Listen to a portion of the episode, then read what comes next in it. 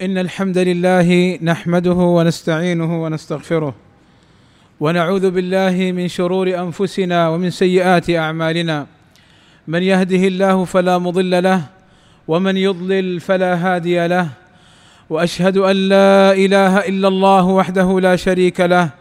وأشهد أن محمدا عبده ورسوله. ألا وإن أصدق الكلام كلام الله وخير الهدى هدى محمد. وشر الأمور محدثاتها وكل محدثة بدعة وكل بدعة ضلالة وكل ضلالة في النار. أما بعد فأوصيكم ونفسي بتقوى الله عز وجل والسمع والطاعة لمن ولاه الله أمرنا وإياكم ومفارقة الجماعة. فإنه من فارق الجماعة فمات مات ميتة جاهلية. عباد الله قد أمرنا نبينا الكريم عليه الصلاة والسلام بالاستعاذة من الشيطان في أحاديث كثيرة لأذيته لابن آدم بل حتى المولود الصغير الذي يخرج من بطن أمه يؤذيه الشيطان. فعن أبي هريرة رضي الله عنه أن رسول الله صلى الله عليه وسلم قال ما من مولود يولد إلا نخسه الشيطان فيستهل صارخا من نخسة الشيطان إلا ابن مريم وأمه. ثم قال أبو هريرة اقرأوا إن شئتم وإني أعيذها بك وذريتها من الشيطان الرجيم. وبين النبي صلى الله عليه وسلم أن من قال عند الغضب أعوذ بالله من الشيطان ذهب عنه الغضب. فعن سليمان رضي الله عنه قال كنت جالسا مع النبي صلى الله عليه وسلم ورجلان يستبان فأحدهما احمر وجهه وانتفخت أوداجه. فقال النبي صلى الله عليه وسلم إني لأعلم كلمة لو قالها ذهب عنه ما يجد. لو قال أعوذ بالله من الشيطان ذهب عنه ما يجد. فقالوا له إن النبي صلى الله عليه وسلم قال تعوذ بالله من الشيطان. فقال وهل بي جنون؟ ففي هذا الحديث أن الغضب في غير الله تعالى من نزغ الشيطان وأنه ينبغي لصاحب الغضب أن يستعيذ فيقول أعوذ بالله من الشيطان الرجيم. وأن الاستعاذة سبب لزوال الغضب. وأما قول هذا الرجل الذي اشتد غضبه هل ترى بي جنون؟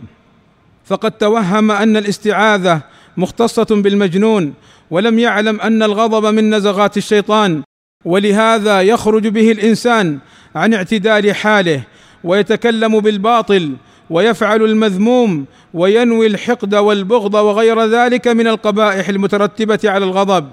لهذا قال النبي صلى الله عليه وسلم للذي قال له أوصني قال لا تغضب فردد مرارا قال لا تغضب فلم يزده في الوصية على لا تغضب مع تكراره الطلب. وهذا دليل ظاهر في عظم مفسدة الغضب وما ينشأ عنه. ويحتمل أن هذا القائل الذي قال هل بي من جنون كان من المنافقين أو من جفاة الأعراب. عباد الله إذا سمعنا نباح الكلاب أو نهيق الحمار فعلينا أن نستعيذ بالله من الشيطان. لأنهما قد رأيا شيطان. فعن جابر رضي الله عنه قال قال رسول الله صلى الله عليه وسلم إذا سمعتم نباح الكلاب ونهيق الحمر بالليل فتعوذوا بالله فإنهن يرين ما لا ترون. وكثيرا ما يرى الواحد منا في منامه امورا تخيفه أو تزعجه والسبب من الشيطان ليحزن صاحبها فعن أبي قتادة رضي الله عنه قال كنت لأرى الرؤيا تمرضني حتى سمعت النبي صلى الله عليه وسلم يقول الرؤيا الحسنة من الله فإذا رأى أحدكم ما يحب فلا يحدث به إلا من يحب وإذا رأى ما يكره فليتعوذ بالله من شرها ومن شر الشيطان وليتفل ثلاثا ولا يحدث بها احدا فإنها لن تضره. وعن أبي هريرة رضي الله عنه عن النبي صلى الله عليه وسلم أنه قال الرؤيا ثلاثة وذكر منها ورؤيا تحزين من الشيطان فإن رأى أحدكم ما يكره فليقم وليصلي ولا يحدث بها الناس وعن جابر رضي الله عنه عن رسول الله صلى الله عليه وسلم أنه قال إذا رأى أحدكم الرؤيا يكرهها فليبصق عن يساره ثلاثا وليستعذ بالله من الشيطان ثلاثا وليتحول عن جنبه الذي كان عليه. وعن جابر رضي الله عنه أن رجلا جاء إلى النبي صلى الله عليه وسلم فقال يا رسول الله إني رأيت في المنام أن رأسي قطع فهو يتجحدل وأنا أتبعه.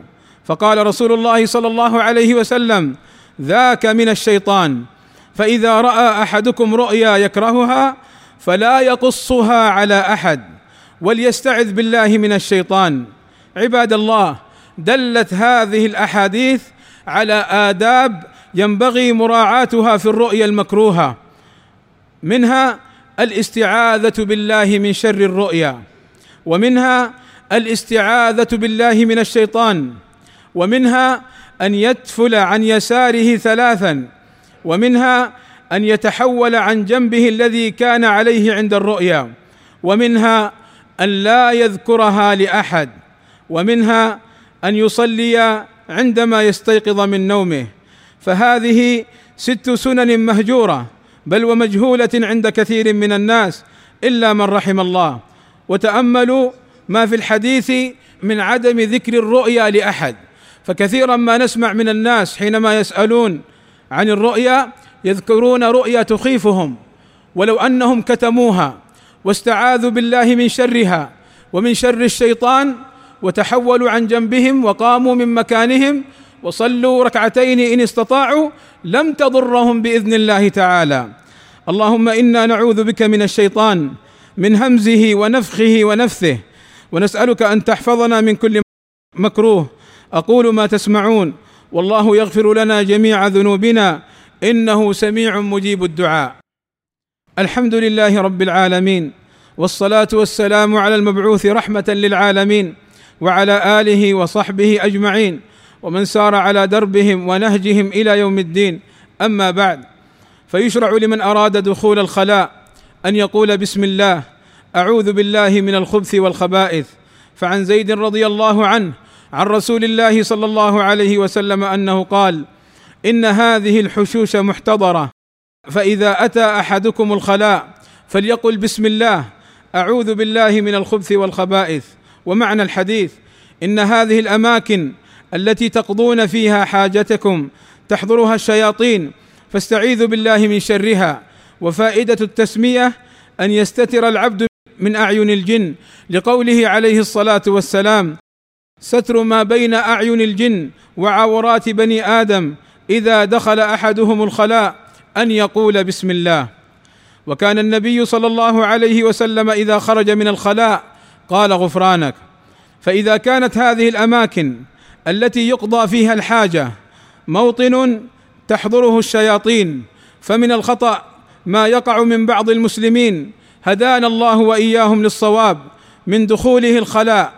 وجلوسه فيه مدة من الزمان لغير قضاء الحاجة أو ما نسمعه من بعض الناس أنه يدخل الخلاء ويطيل التفكر في أمور كثيرة أو يدخل معه ما يشربه في الخلاء أو ما يقرأ فيه من جريدة ونحوها أو يدخل معه الهاتف ويتكلم وهو في داخل هذه الأمكنة. ولا شك أن هذا من تلاعب الشيطان نسأل الله لنا ولهم السلامه وأخبرنا نبينا صلى الله عليه وسلم بأمور تسلمنا وتحفظنا بإذن الله تعالى من شر الشيطان. منها قراءة آية الكرسي ومنها قراءة المعوذتين. فعن أبي سعيد رضي الله عنه قال كان رسول الله صلى الله عليه وسلم يتعوذ من الجان وعين الإنسان حتى نزلت المعوذتان. فلما نزلتا أخذ بهما وترك ما سواهما. ومنها قول ما جاء عنه صلى الله عليه وسلم حيث قال صلى الله عليه وسلم من قال لا إله إلا الله وحده لا شريك له له الملك وله الحمد وهو على كل شيء قدير في يوم مئة مرة كانت له عدل عشر رقاب وكتبت له مئة حسنة ومحيت عنه مئة سيئة وكانت له حرزا من الشيطان أي حفظا من الشيطان وكانت له حرزا من الشيطان يومه ذلك حتى يمسي ولم يأتي أحد بأفضل مما جاء به إلا أحد عمل أكثر من ذلك. وكذا عباد الله المحافظة على الأذكار خصوصا أذكار الصباح والمساء التي تحفظ المسلم والمسلمة بإذن الله تعالى من كل سوء ومكروه. هذا وأوصيكم ونفسي بلزوم السنة وهدي السلف الصالح وأوصيكم بتعلم أحكام الشرع وأخذه من العلماء المعروفين بسلامة المعتقد. والله أسأل أن يوفقنا لما يحبه ويرضاه وأن يبعدنا عما يغضبه ولا يرضاه منا وأن يوفق ولي أمرنا لما يحبه ويرضاه وأن يحفظ به العباد والبلاد. اللهم آتنا في الدنيا حسنة وفي الآخرة حسنة وقنا عذاب النار. اللهم إنا نسألك العفو والعافية والمعافاة واليقين في الدنيا والآخرة. وصلى الله وسلم على نبينا محمد وعلى آله وصحبه أجمعين. والحمد لله رب العالمين.